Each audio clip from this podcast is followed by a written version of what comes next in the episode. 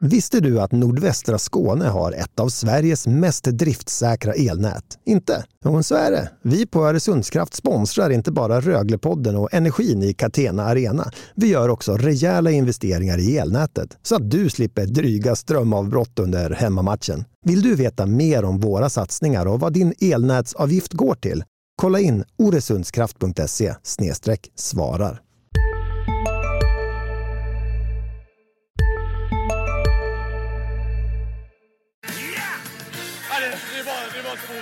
Detta så det, jag vet inte vad jag ska säga.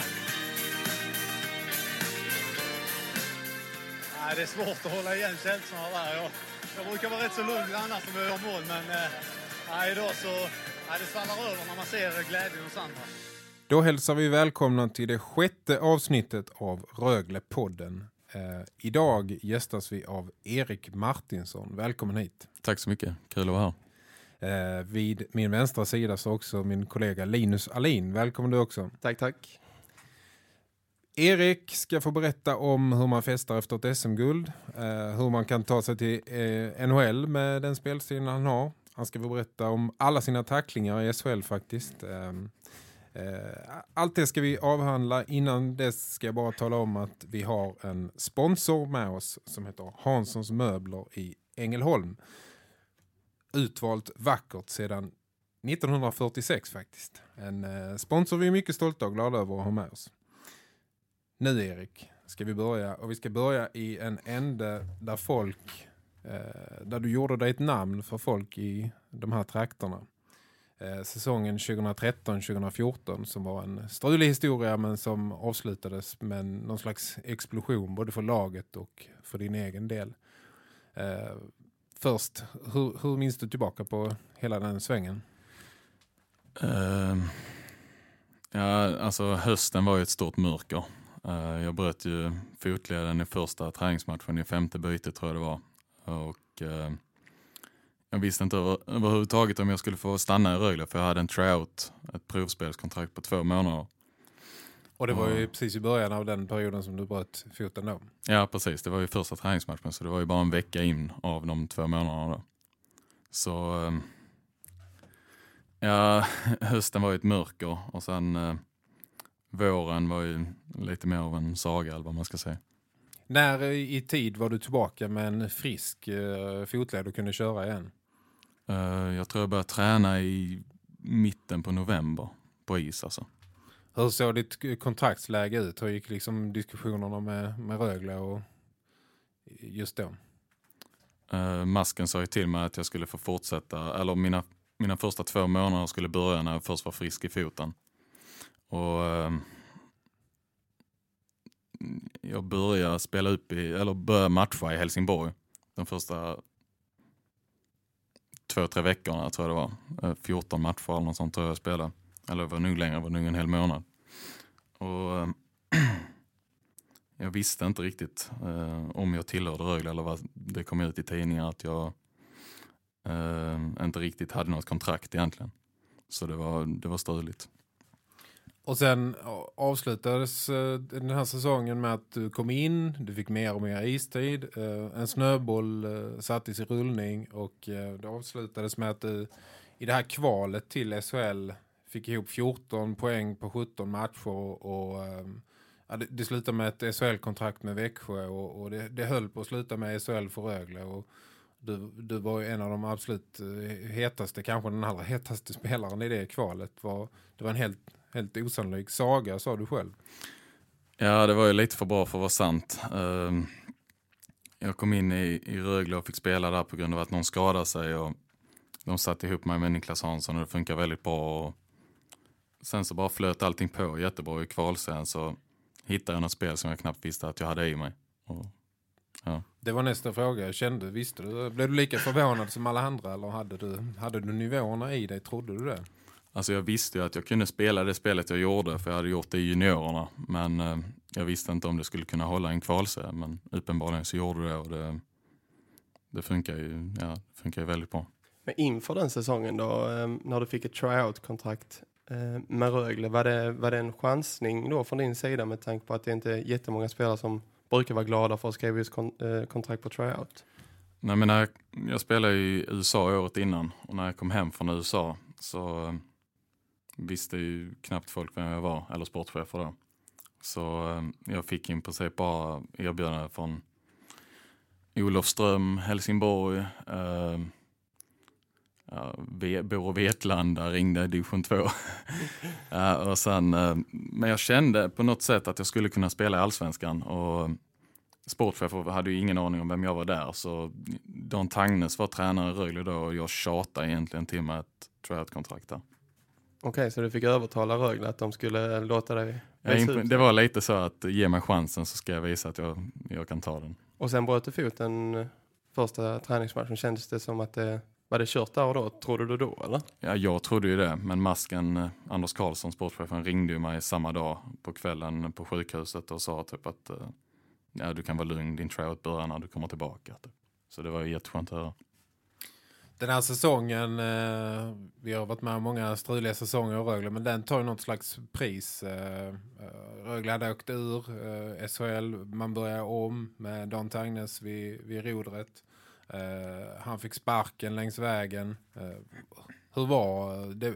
Du sa själv att det var ett enda stort mörker. Det, gällde, det var rätt så mycket för laget också. Jo, det var ju en, det var en strulig säsong personligen och för laget. Jag vet inte varför det blev som det blev sen efter eh, årsskiftet. Men det, det hände något och vi spelarna i laget hittade sina roller på ett annat vis. Och så, så, så bara vände det. det.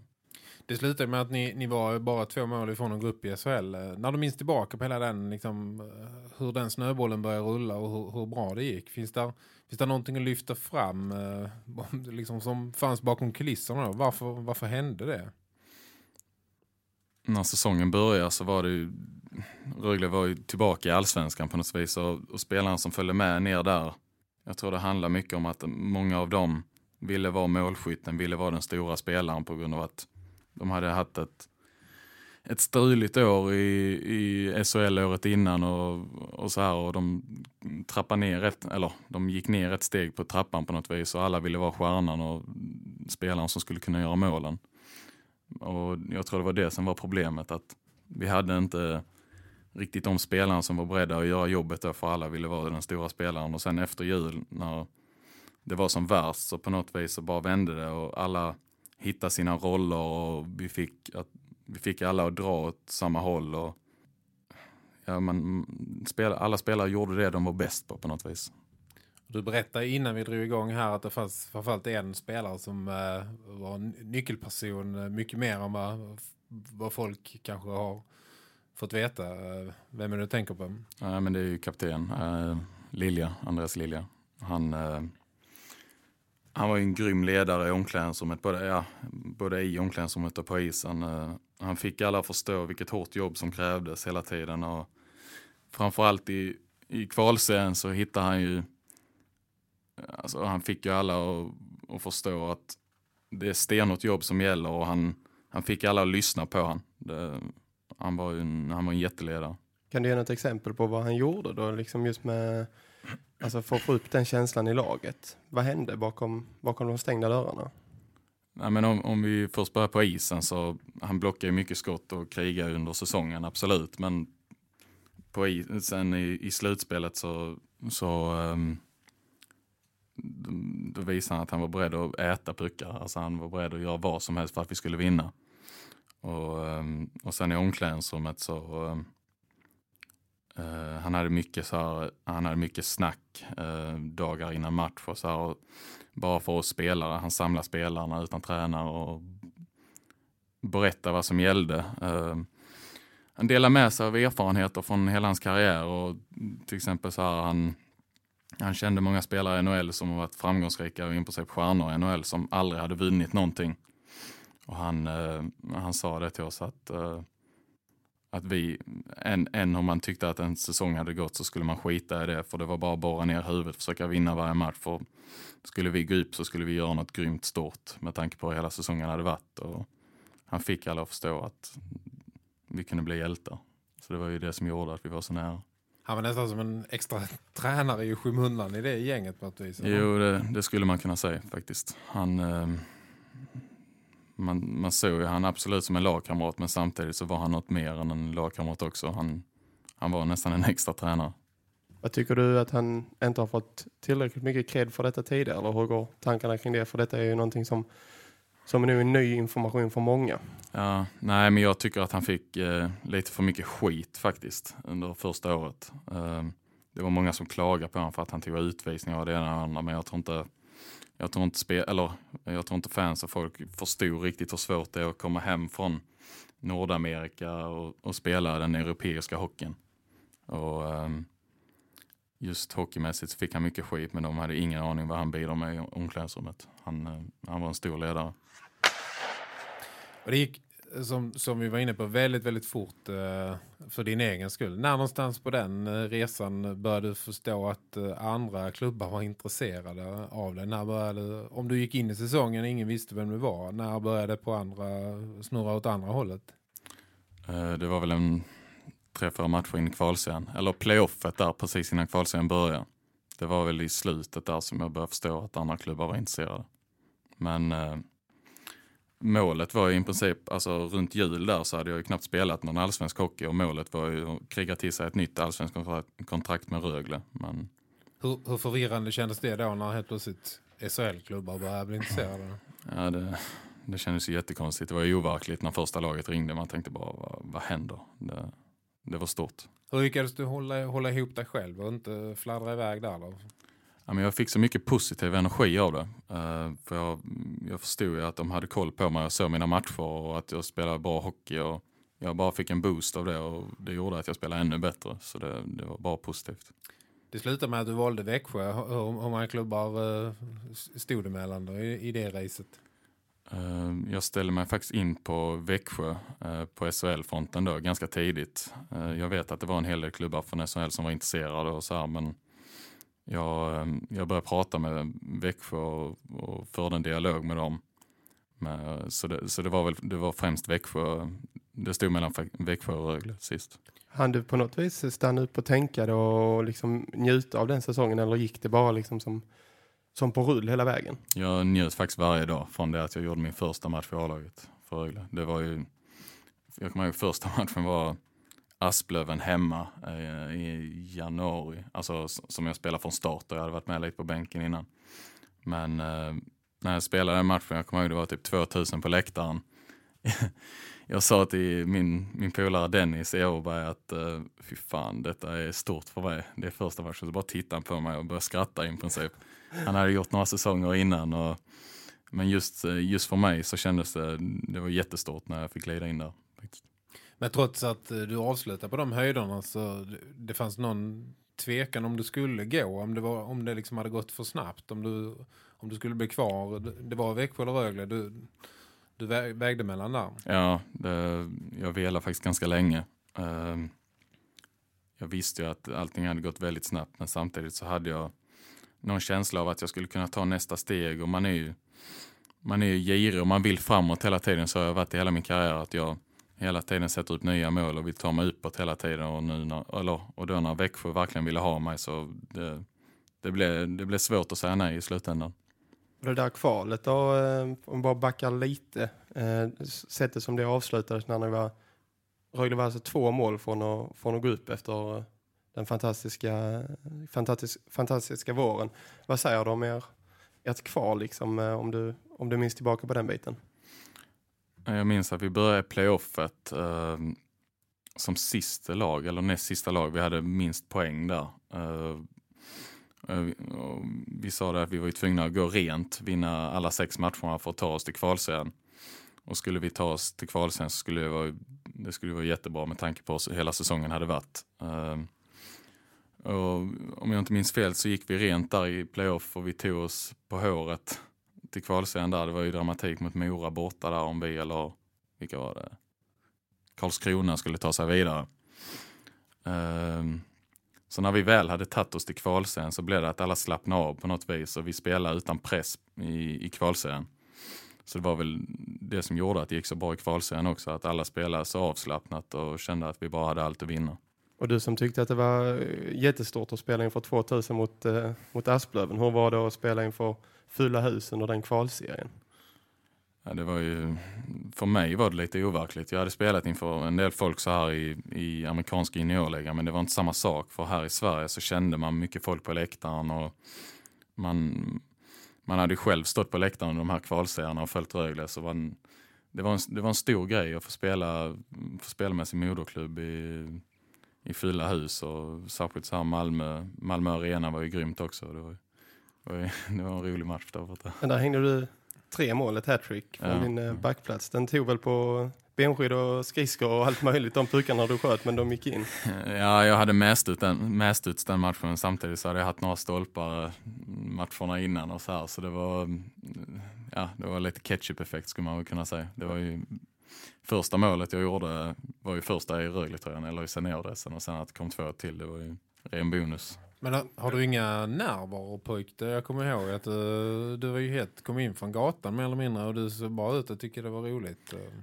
Nej, men jag kom, alltså, med tanke på att jag hade spelat i Helsingborg eh, så kändes det bara som en ren bonus när jag blev inkallad och väl fick spela i Rögle. Så det, jag vet inte, jag kände bara att jag hade allt att vinna. Det var ingen, alltså jag hade inga som helst förväntningar på mig eller någon press. Jag minns att det var någon som, hade, som, som jag stötte på så här, och han, han, han visste inte att jag spelade A-laget överhuvudtaget. Och, så var, jag vet inte, jag, bara, jag gick ut och spelade bara och, och kände att jag vågade göra misstag och det var väl det som gjorde att det gick bra också.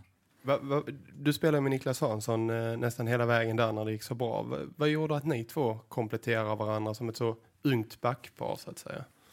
Vi hade ju spelat en, spelat en hel del tillsammans i J20 eh, något år innan och vi är ganska lika som spelare. Båda är skickliga och vill hålla i pucken och, inte slänga iväg pucken i onödan. Och sen, sen hjälpte det mycket att han är eh, höger, högerfattad och jag är vänsterfattad. Eh, så det blir att man kan eh, utnyttja isen på ett annat vis och man kan nästan spela anfalls, anfallshockey utanför blålinjerna i och med att vi har bladen inåt. Så det, anfallsmässigt så funkar det jättebra. Sen defensivt så överlevde ju med tanke på att vi spelar nästan hockey i anfallszon hela tiden. Så. Och upp, uppmärksamheten utifrån då, för den gick ju från 0 till 110 procent på, på bara ett par månader. Hur, hur var det att uppleva mediahype och kometutveckling och alla rubriker som nu var? Nej, det var ju, det är klart, det, det kändes ganska stort när alla tidningar började ringa och det, mobilen gick varm, men det var ju, det var ju bara kul. Alltså, från att vara totalt iskall och inte, alltså fo- folk hade ju ingen som helst aning vem jag var och, och att det vänder så snabbt, det var, det var ju bara roligt. Alltså jag levde ju drömmen. Du ångrar inte att du tackade nej till Olofström då innan, innan den Nej, det ska jag inte riktigt påstå. Alltså, men jag ska vara ärlig och säga att det var ganska nära att jag gick dit. För jag hade ju ingen annanstans att gå. Jag var ju tvungen att spela hockey någonstans. Men eh, på, något, på något sätt så kände jag ändå på mig att eh, Dan Tangnes var lite nyfiken på mig. Så jag, jag tjatade. Jag tjatade mycket på honom. Och sen, trots att ni, ni stupade på mållinjen där så, så blev det, du kom fram till att du skulle flytta och du valde, du valde Växjö. Va? Du, du har själv vittnat efteråt om att det blev lite krispigt eller vad man ska säga mellan dig och Rögle. Va, kan du reda ut en gång för alla? Va?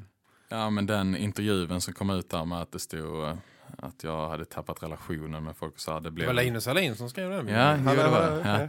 Nej, men det, jag tyckte den var lite felvinklad på något vis. Det, blev, det, det lät lite värre än vad det var egentligen. Men eh, det var väl främst att jag var lite besviken på vissa inomorganisationer som jag hade träffat och känt i princip under hela min tid i Rögle sedan jag var en liten grabb.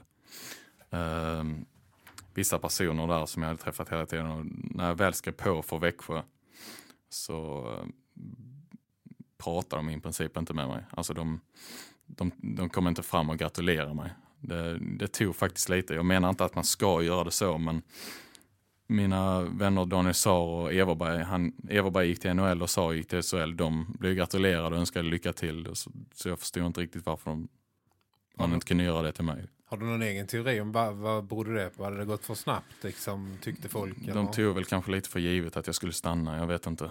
Det, det är svårt att säga på grund av varför egentligen, men det kom väl kanske som en liten chock, jag vet inte. Va, Hur är annars din relation till Rögle idag då? Uh, alltså jag, jag pratar inte med så många inom organisationer, det är mest spelarna jag pratar med. Men eh, jag skulle vilja säga att den är bra. Eh, Efter, eller du har flyttat, Ted Brithén har flyttat, Niklas Hansson, Jakob Lilja. Det är ett gäng som har lämnat Ängelholm för st större och Eh, andra jaktmarker. Eh, har du någon teori om varför det har blivit så? Det är väl många som har ställt den frågan till dig. Jo, jag har fått den frågan ett antal gånger. Ehm, jag kan ju bara svara för mig själv egentligen. Jag gick ju till Växjö för att det var ett, ett steg upp.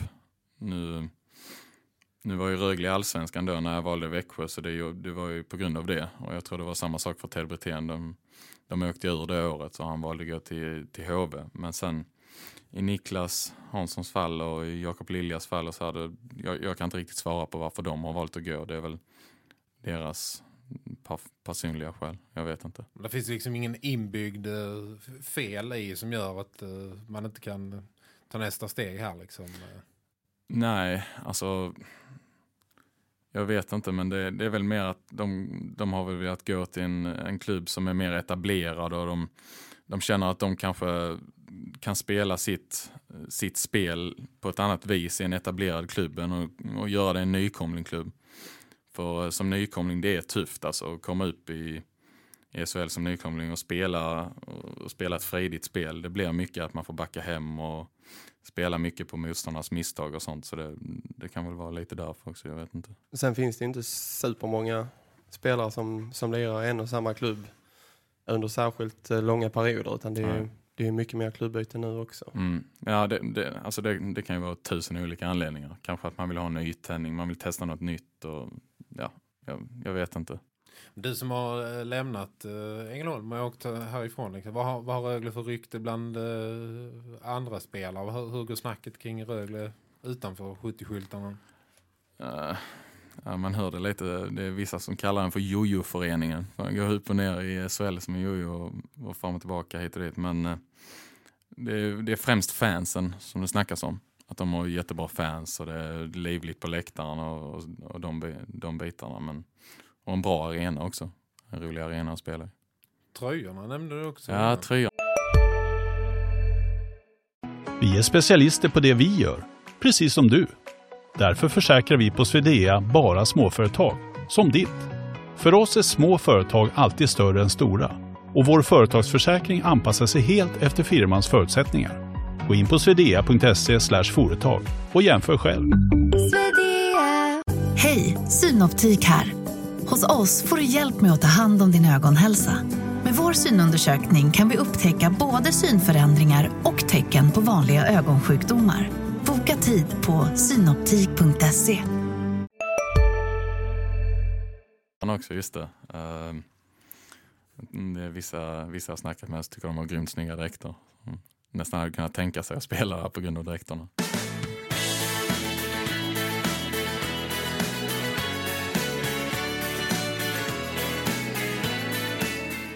Du lyssnar alltså på Röglepodden, det sjätte avsnittet och vi har Erik Martinsson med oss i studion. Eh, och vi ska också säga att detta avsnitt sponsras av Hanssons möbler i Ängelholm. Erik, Uh, vi var inne på det. När du lämnade Rögle så hamnade du i Växjö Lakers. Och det blev, skulle visa sig bli en uh, enorm resa det också. Det slutade med SM-guld redan första säsongen. Uh, när du kom, hade installerat dig i, i Växjö, kunde du ringa in några liksom, skillnader direkt? Kändes det som en kraftig nivåhöjning uh, att komma dit? Ja, i princip på alla plan. Um träningsmässigt var en väldigt eh, stor skillnad. Eh, på isträningar det var ju ett helt annat tempo. Och vi tränade oerhört mycket fys, mycket fysträning. Uh, ja, alltså det, det, var egentligen på alla plan. Det var, det var ett snäpp proffsigare. Men jag ska inte ta ifrån Rögle, det är en proffsig förening absolut. Men, men Växjö, det var, det var ett snäpp upp. Och det var det, de spelar ju olika divisioner. Eh, men det märktes att eh, de hade hållit på med det här eh, ett tag längre. Ja, alltså det, var ju, det är en väldigt ny förening så, men på något vis har de, eh, de alla vet vad de håller på med och, och, sådär. Så det, ja, det, det är proffsigt allting. Du hade gjort, eh, den här resan hade gått väldigt fort för dig med succén där i Rögle under våren. Kände du någonstans i, när du kom till Växjö att det blev liksom ett stopp, någon slags eh, någon liten vägg som du var tvungen att klättra över och tog ett längre tid? Jo, absolut. Uh, när jag valde att gå till Växjö så visste jag att första året skulle bli tufft, framförallt hösten. Ehm, med tanke på att det, det var ett, ett snäpp upp, kanske, kanske till och med två, tre snäpp upp nivåmässigt. Och framförallt vårt lag, vi hade en väldigt bra backsida. Och, eh, jag visste att jag började en bra bit bak i kön där hierarkimässigt och, jag, och att jag var tvungen att jobba mig uppåt och, och så här. Så hösten var, hösten var ganska tuff men eh, sen våren så lossnade det på något annat vis. Jag kommer ihåg att jag gjorde någon intervju med dig när du hade gått 10-15 eh, omgångar i, under din första säsong där då sa du också att det var liksom planen på något sätt att Växjö hade varit tydliga med det eller att du skulle få jobba det upp. Ja, nej, men det, det sa Evertsson, eh, sportchefen i Växjö, han sa det ty tydligt till mig att uh, kommer du hit här så kommer, så kommer din första halva av år ett blev ganska jobbig och han förberedde mig på det och han, han sa till mig att det, det var den halvan så skulle jag träna mycket och bygga upp mig och, och, och sådana bitar. Och du hade, du hade en liten roll i laget eh, länge men när ni kom fram till slutspel så hade du, då hade du klättrat i hierarkin. Du spelade mm. ju, vissa matcher spelade du jättemycket. Vad kan du förklara den eh, resan liksom? Jag tror jag hade en snittistid på 10 minuter per match under grundserien. Och eh, sen i slutspelet så, så fick jag chansen på ett annat vis. Jag, jag vet inte varför, de kände väl bara att de, de ville spela mig själv, i slutspelet och trodde på mig. Och jag, fick, eh, jag var uppe och taggade på 20-25 minuter vissa matcher in på sig. Och, ja, jag vet inte. Jag vet inte varför det blev så men det, det, det bara hände och det var, det var grymt kul slutspel. Du sa själv innan att du spelade ditt livs hockey där, var det så? Ja, det var det. Uh, jag gjorde ju ganska mycket mer poäng så här i, i kvalserien året innan men uh, just poängmässigt så blev det väl kanske ingen explosion i, i slutspelet men spelmässigt så tyckte jag att jag spelade min bästa hockey med tanke på motståndet och så här. Så. Vad är det med dig och vårarna då?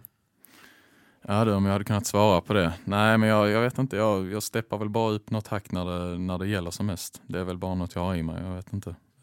När Andreas Lilja var här så berättade han om skillnaderna i grundserie kontra slutspel i, i NHL. Hur var det i SHL och inom svensk hockey? Nej, men det var också en jättestor skillnad. Uh, grundserien, det kan vara lite av en lunk att man bara betar av match för match och, och man ska ta sina tre poäng. Men uh, slutspelet är något annat där där spelar man eh, matcher, alltså det är bäst av sju. När man har vunnit en match så måste man skala av sig den och, och ladda om för ny match. Och, och eh, med tanke på att man möter samma spelare hela tiden så kan man ligga på någon spelare extra mycket för att få han ur balans till kanske nästa match.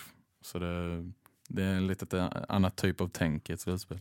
Ni mötte ju Skellefteå i den finalen eh, som hade staplat SM-guld på hög och nästan kändes som en dynasti. Eh, kan du plocka fram någon, eh, någon faktorer som gjorde att ni liksom lyckades välta den kolossen? För det första så visste vi att Skellefteå det var ju ett hårt jobbande lag, grymt hårt jobbande lag. Många skickliga spelare men de jobbar framförallt väldigt hårt och vältränat lag.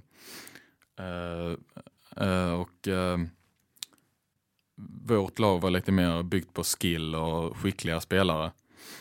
Och vår tränare sa till oss att om, om vi gick ut och jobbade minst lika hårt som dem men använde vår skill så skulle vi slå dem med tanke på att vi var lite skillade, mer skillade än dem. Och och, och så här. Men eh, om vi, ja, det var väl, vi jobbade, vi jobbade lika hårt som dem men var lite mer skillade. Men också någon slags mental resa för att fatta att ni kan välta den eh, kolossen i, i, en sån ny, färsk klubb som Växjö. Ja, vi visste ju att det, var, det var, skulle bli en stor utmaning att försöka slå dem i en bästa sju-serie. Eh, men eh, vi hade mött dem under grundserien och det hade varit jämnt under, jämna matcher under grundserien också. Så eh, vi visste att vi hade en bra chans. Ta oss in i ett omklädningsrum när man går av isen och har precis uh, bunkrat ett, ett SM-guld. Går det att förklara den? Jag har fått den frågan innan men det, det, går knappt att förklara. Allting är bara en stor smörja för mig. Hela den veckan efter, det, jag blandar ihop alla dagar. Jag vet knappt vad, som, vad man har gjort. Men just där i omklädningsrummet direkt efter att det var, det var helt sjukt. Alla var ju så glada och det var ju sån grym glädje som man man fattar, man fattar inte vad som hade hänt riktigt. Det var, det var grymt. Kunde du njuta där då? Att du stannade upp och tänkte på säsongen tidigare och vad som hade hänt? Jo, men det gjorde jag faktiskt. Jag, satt, jag, jag minns jag satt mig ner på min plats, tog en öl och klunkade den i princip och sen bara tittade jag rakt fram och tänkte vad, vad är det som händer? Alltså, jag minns att du skrev på Twitter, Linus, eh, och taggade mitt namn. Du skrev någonting om att eh, för eh, ett och ett halvt år sedan spelade han i Helsingborg i division 1 och nu vinner han SM-guld. Vilken resa typ. Mm. Och då tänkte jag till själv också att ja, det är faktiskt rätt stort. Stort du var med i omklädningsrummet Ja, där visst, Linus. jag tog in mig på en hörna i Växjös omklädningsrum. Nej, men jag, man hade ju mobilen uppe och filmade mycket och så plingade till i telefonen. Så. Mm. Eh, Du gjorde ju då två sådana här resor. En med Rögle, eh, en med Växjö. Och så, Eh, ingen jämförelse i övrigt men det var ju enorma utvecklingar liksom som snöbollar som började rulla och aldrig slutade.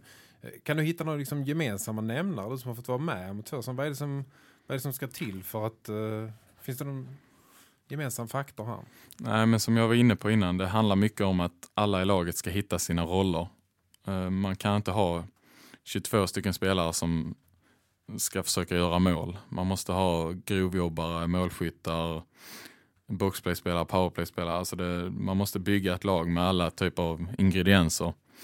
Och eh, när alla spelare i ett lag har hittat sin plats och riktigt accepterar den och jobbat 100% då blir det riktigt bra. Och, och I Växjö så hade vi ett, ett väldigt, väldigt bra lag, meriterat lag med många bra spelare. Så det är väl, det är väl på den vägen. Men eh, i Rögle så, som jag sa innan, så var det ju det var för att, jag tror det var för att man hade steppat ner till allsvenskan och många hade, ville ha den rollen, den framskjutna rollen. Och sen när alla hittar sin, sin plats i, i laget så blev det bra. För att stänga Växjö-butiken, är det ett, spelar du ett lag nu som kan vinna SM-guld igen? Ja, det tror jag. Eller, vi har, det är ett väldigt, väldigt likt lag eh, om jag ska jämföra med det vi hade förra året. Så eh, det tror jag vi kan göra faktiskt.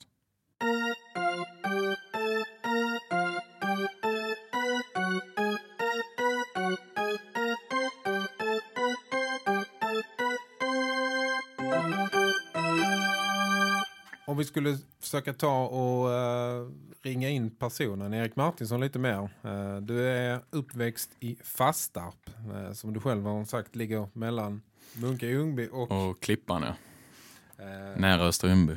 Just det. Sk- Gått skola i Ängelholm, eh, började spela hockey i Åstorp, eh, flyttade till Rögle från 11 års ålder. Det är, Ja, någonstans där.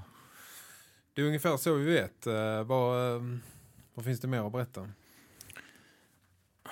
Ja, det är väl inte så jätteintressant egentligen. Nej, men jag... eh, Du började spela eh, hockey ganska sent. På Ja, jag, jag började i Årstorp när jag var nio tror jag. Det är ju ganska sent, i alla fall om man tittar nu på knattarna som kör runt när de är tre, fyra år. Men eh, ja, jag gick till Rögle när jag var elva tror jag. Och, eh, och sen så började jag hockeygymnasiet där, kom precis in på en re- reservplats. Eh, spelade där till jag var 20, sen så tog jag en sväng i USA och sen kom jag tillbaka. Var du eh, rankad som en stor talang hela vägen eller snarare någon som höll till i skymundan? Nej, stor talang har jag aldrig varit. Jag har alltid haft en viss bollkänsla och touch och så här, men jag har aldrig varit en stor talang. Jag har aldrig varit någon så här toppspelare i något av lagen jag har spelat i, varken ungdomslag, juniorlag eller seniorlag. Så, Om du inte hade blivit eh, hockeyspelare nu då, vad, vad tror du du hade sysslat med annars? det, det har jag ingen aning om. Det har alltid varit hockey, hockey i huvudet för mig och jag bestämde mig tidigt för att bli hockeyspelare. Så. Men det var en, en bräcklig väg ändå ju med tanke på eh, var du befann dig innan den här utvecklingen också. Eh, har du, tvivlade du någon gång på att du skulle, du skulle lyckas? Nej, det har jag inte gjort för jag har alltid haft eh, en plan i mitt huvud hur, hur jag skulle ta mig dit. Och, och eh, Skulle jag hamnat i division 1 så hade jag tänkt att ja, okej, då får jag ha ett jobb vid sidan om och så får jag kriga mig upp via division 1. Och jag har hela tiden haft planen framför mig att jag ska lyckas och sen om det skulle gå så här snabbt eller om det skulle ta fem år, det, det, det, var, det spelar inte så stor roll egentligen. Det handlar bara om att bli spelare, hockeyspelare. Men försök tänka då. Vad hade du gjort om, du inte, om det inte hade burit? Vad hade du gjort idag? Om jag inte hade spelat hockey alls menar Ja, du? om det inte hade burit. Om du hade spelat i Jonstorp till exempel. Då hade jag nog eh, spelat i Jonstorp och typ jobbat på Intersport om de hade velat ha mig. Något sånt. Eh, 2012-2013 eh, är säsongen när du stack iväg till USA eh, och spelade i Des Moines. Vad, vad gav ett sånt år dig? Framförallt så fick jag spela väldigt mycket. Jag åkte ju dit för att jag inte hade någonstans att spela i princip efter mitt sista J20-år. Det var ju bara Helsingborg och något annat division 1-lag som ville ha mig. Men jag kände att jag ville ta ett år i den ligan. Det är ett snäpp upp till juniorhockeymässigt om man jämför med Superlit i Sverige, juniorligan då. Så eh, nej, men jag fick spela väldigt mycket och lära mig nya saker och lära mig hantera det fysiska, fysiska spelet. Även om jag inte tacklade så mycket så lärde jag mig hur jag skulle ta tacklingar och vara lite lurig i sargdueller och så. Så det, det gav mycket, det utvecklade mig som spelare. Uh, och sen har du kommit hem och nu, nu är du här. Uh, du, du berättade att du bor ensam i, i Växjö. Vad, vad, vad gör du när du inte spelar hockey annars då? Vad har du för... Uh, jag, jag tränar och sen så äter man lunch och så är man hemma vid två och sen fikar man i fyra timmar. Och sen så, sen så går man hem och så försöker man sig på att laga någon maträtt eller så går man och köper något. Och så rullar dagarna på så. Fyra timmar? Nej, nej det var kanske lite överdrivet men det, det blir mycket fikande, det blir det. Är det ett privilegierat liv eh, du lever? Känner du dig liksom utvald som får göra något som väldigt många drömmer om? Ja, jag njuter väldigt mycket. Jag, eh, jag försöker tänka tillbaka mycket på vilket jobb man har lagt ner för att komma hit. Eh, jag vill ju fortfarande framåt och krigar väldigt mycket för att bli ännu bättre och bli en toppspelare på denna nivån. Men, men eh, det ska jag säga att jag, jag, jag njuter mycket av vardagen, det gör jag.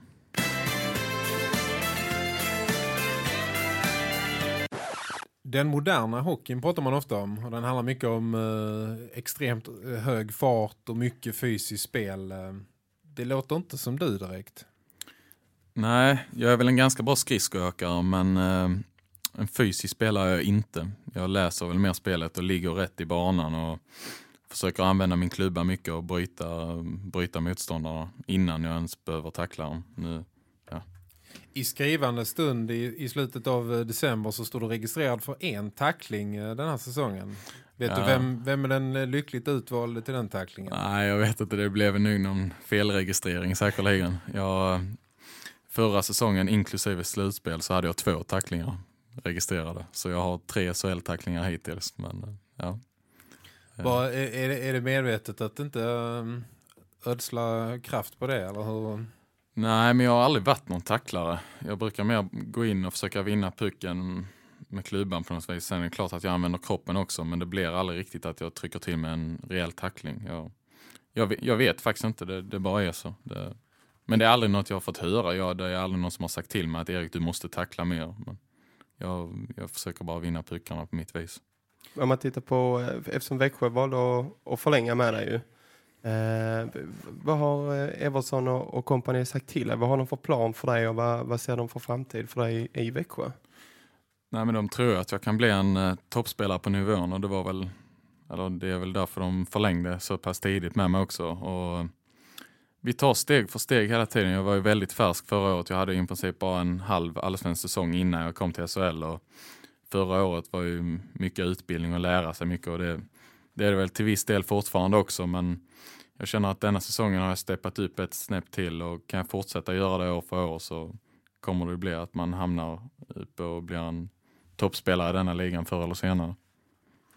Eh, disciplinnämnden har ju haft att göra den här säsongen. Eh, de har inte haft så mycket med dig att göra. Men hur, hur, du som är där ute, hur, hur, ser du på allt, allt som händer? Alla dessa spelare som ägnar sig åt eh, tacklingar som inte du gör.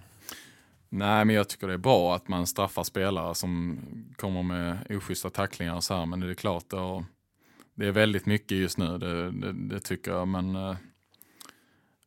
jag, jag, vet inte, jag har inte så mycket att säga kring det ämnet egentligen. Faktiskt. Känns, känns det som en farlig arbetsplats där ute? Eller? Nej, det är inget man tänker på. Det, det, är klart att man vet att man kan bli tacklad och oschysst och så här, men det är, det är inget man tänker på när man väl är ute på isen. Då bara spelar man sitt spel. Men det krävs lite läshuvud för att inte bli manglad av de här ångloken. Jo, givetvis. Men eh, alla, alla på SHL-nivå de har det spelsinnet och den känslan för det och vet när det blir farligt och när, när man ska liksom köra en heads-up och vara med. Och sen så har man, det är, mycket, det är mycket med lagkamraterna också som snackar mycket med, med en på isen och liksom kommer det en spelare 190 mot mig när jag inte ser då är det back, backkollegan som skriker till mig liksom Erik heads up och var med där och så det, det, det är inte så man klarar sig. Alla spelare vill eh, till NHL. Eh, du också antar jag. Eh, hur ser du dina chanser att komma dit?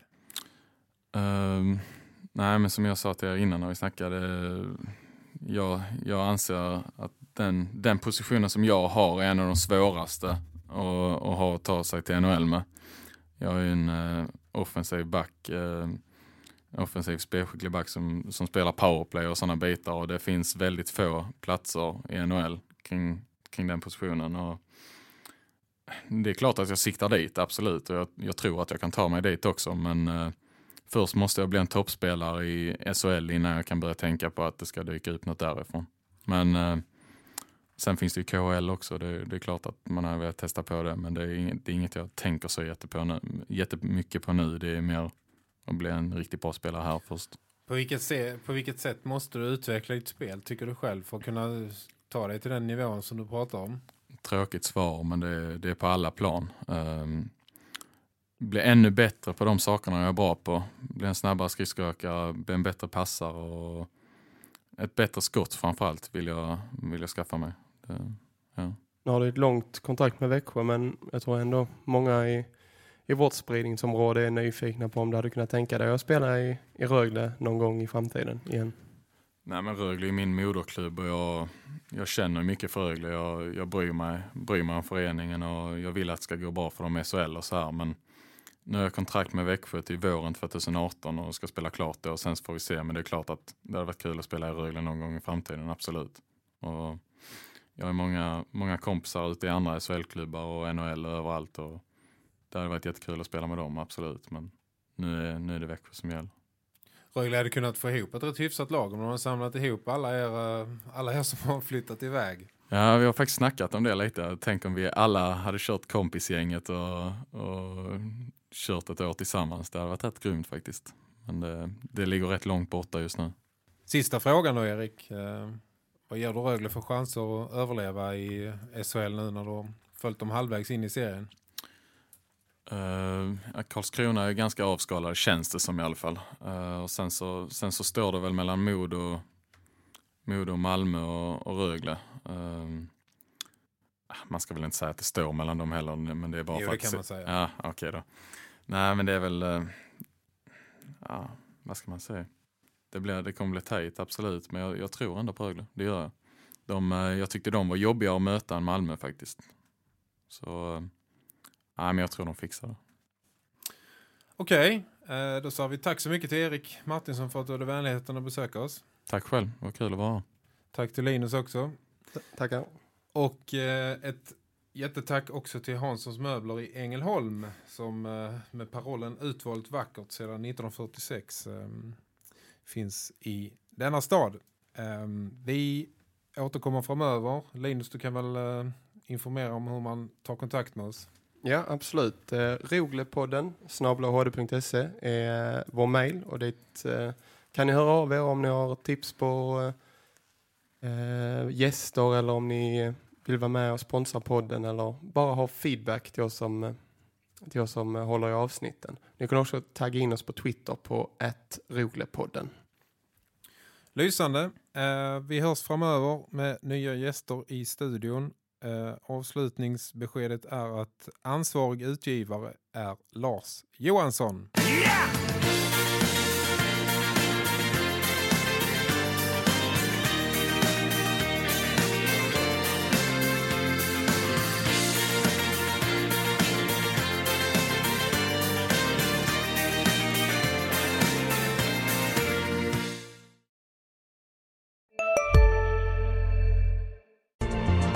Kurrar det i magen och du behöver få i dig något snabbt?